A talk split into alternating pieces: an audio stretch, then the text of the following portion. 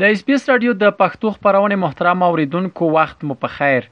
رحیم الدین وړیا خیل یم له افغانستان نه تاسو ته د افغانستان او سیمې د تیر یوې ونې مهمه پیښه وړاندې کوم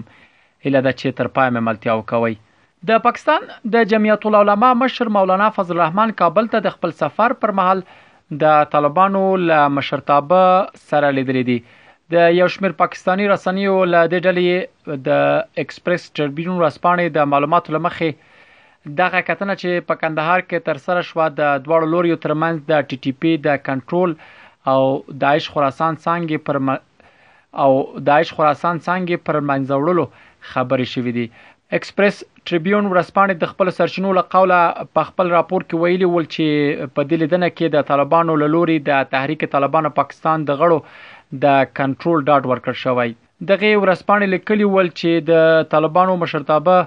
ملا هیبت الله بیا د داعش ډلې د وسلهوالو په ځپلو او له منځه وړلو کې د اسلام اباد همکاري غوښتنه کړې. دغې ورځپاڼې دا هم لیکلي ول چې مولانا فضل الرحمن کندهار ته د پاکستان له څرګند پیغام سره چې طالبان دې د ټي ټي پي او اسلام آباد ترمنځ یو وټاکي تللی و. د طالبانو حکومت بیا په رسمي ډول د دغه لیدنې په اړه څه ونه ویل، خو د پاکستان د جمعیت العلما اسلام ګوند بیا په خپل ایکس پاڼه لیکلي ول چې مولانا فضل الرحمن د خپل سفر په لړ کې له بیلابیلو طالب چارواکو سره کتلې او د دواړو هیوادونو ترمنځ د اړیکو په خکېدو یې ورسره خبرې او بحثونه کړي دي ورته وخت کې د پاکستان د بهرنی چارو وزارت ویاندې زهرا بلوچ بیا په یو خبري ناسته کې کابل ته د مولانا فضل الرحمن سفر شخصي وباله او له ټي ټي پي سره د خبرو بیا پیل رد کړ د یادونې ده چې د طالبانو حکومت او پاکستان ترمنځ ظاهرا د اړیکو د رغولو په هدف مولانا فضل الرحمن د تیر اونۍ د یک شنبه په ورځ د طالبانو حکومت په رسمي بلنه کابل ته په سفر راغلی و چې دغه سفر یې د جمعې په ورځ پای ته ورسېده.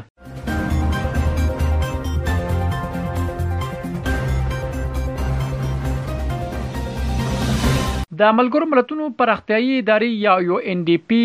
تېره اونۍ وویل، پر افغانستان د طالبانو له بیا واکمنۍ وروسته پنځه اتیا سلنه افغانان د ورځې تر یو ډالر په کم لګښت ژوند کوي. دغې ادارې د جنورۍ پر یوولسمه په یو راپور کې وویل، چې په افغانستان کې اقتصادي حالات ډېر خراب شوی چې تر ډېره یې ښځې اغېزمنې کړې دي. په راپور کې راغلي ول، چې په ښځو د طالبانو محدودیتونو له شپږ سوه میلیونو تر یو میلیارد ډالرو پورې د افغانستان اقتصاد ته زیان رسولی دی. په راپور کې ویل شوي ول چې په افغانستان کې د پراختیايي پروژو ملاتړ کوونکو هم خپل مرستې ډېرې کمې کړې دي د طالبانو حکومت ویان ذبیح الله مجاهد بیا د ملګرو ملتونو د پراختیايي ادارې د غراپور رد کړ او ادعا وکړه چې په افغانستان کې اوس د پخوا په پرتله وضعیت ښه شوی د افغانیو ارزښت لوړ شوی تورم ټیټ شوی او کارونه زیات شوي دي د ملګرو ملتونو پراختیايي ادارې یا یو ان ډي پي داسې مهال د افغانستان د اقتصادي حالت د خرابېدو خبره کوي چې د دغه ادارې د بشري مرستو همغږي ادارې او چا هم څو مده وړاندې وویل چې په 2024 کال کې به شاوخوا 23.1 میلیون افغانان د خپل بقا لپاره بشري مرستو ته اړ وي.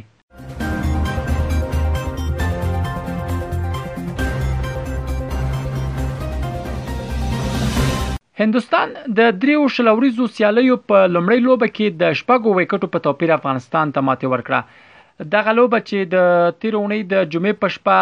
تر سره شو د لوبې په چا د هند لوبډلمشر روهیت شرما وګټل او افغانستان ته توپهنه ورکړه یاده سیالۍ چې د هند د پنجاب ایالت په محلي لوبغاړي کې تر سره شوه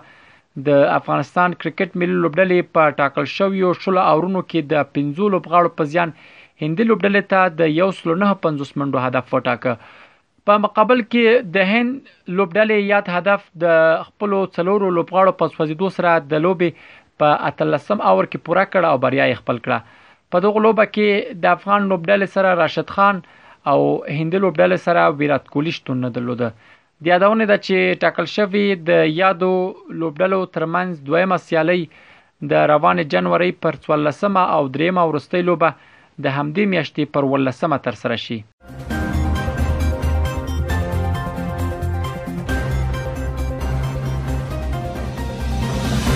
د دې اونۍ د پای موضوع هم دا چې د امریکا د استازو جرګې د بهرنۍ اړیکو مشر مايکل مکال کانګرس ته په وینا کې د طالبانو پر کړنو نیوکه وکړه او هغه یې ترهګر وبلل دغه غونډه چې د جو بایډن په سیاستونو باندې د تمرکز لپاره جوړ شوی و مایکل پکې دا وکړه چې طالبان د القاعده ډلې په ګډون د تروریستي ډلو ملاتړ کوي دغه ناسته کې چې د افغانستان لپاره د امریکا ځنګړو استادو توماس ویست او رینا امیری هم حضور درلود مایکل طالبانو سره د امریکا د حکومت پر چلند شک څرګند کړ مایکل مککال وویل، د جو بایډن اداره فکر کوي چې له طالبانو سره ملګرتیا ښايي د هغو د اقداماتو لپاره ګټوره وي، خو په خبره یې د طالبانو چلند په ښکاره ډول ښيي چې تر تاثیر لاندې نشي راوستل کېدای. د افغانستان لپاره د امریکا ځانګړي استازي ټام ویسټ وویل، دوی له افغانستانه د ګواښونو د بیا راپورته کېدو د څارنې او مخنیوي لپاره خپلې ترهګرۍ ضد وړتیاوې له سره تنظیم کړې دي. ټام ویسټ ادعا وکړه چې طالبانو د القاعده مشر ایمن الظواهري ته په پناه ورکولو سره له خپلو مکلفیتونو سرغړونه کړې. ورته وخت کې په افغانستان کې د ښځو او نجونو او بشري حقونو په چارو کې د امریکا ځانګړې استازې رینا امیري وویل چې په تېرو دوو کلونو کې په افغانستان کې د بشري حقونو وضعیت خراب شوی دی. د طالبانو حکومت بیا د امریکا د استازو جرګې د بهرنیو اړیکو مشر تازه څرګندونو ته کوم خبرګون ونه خود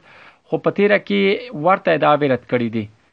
دا ول د افغانستان او سیمې د تیر یوې اونۍ مهمه پیښه چې ماته ستو وړاندې کړې تر بیا خې چاره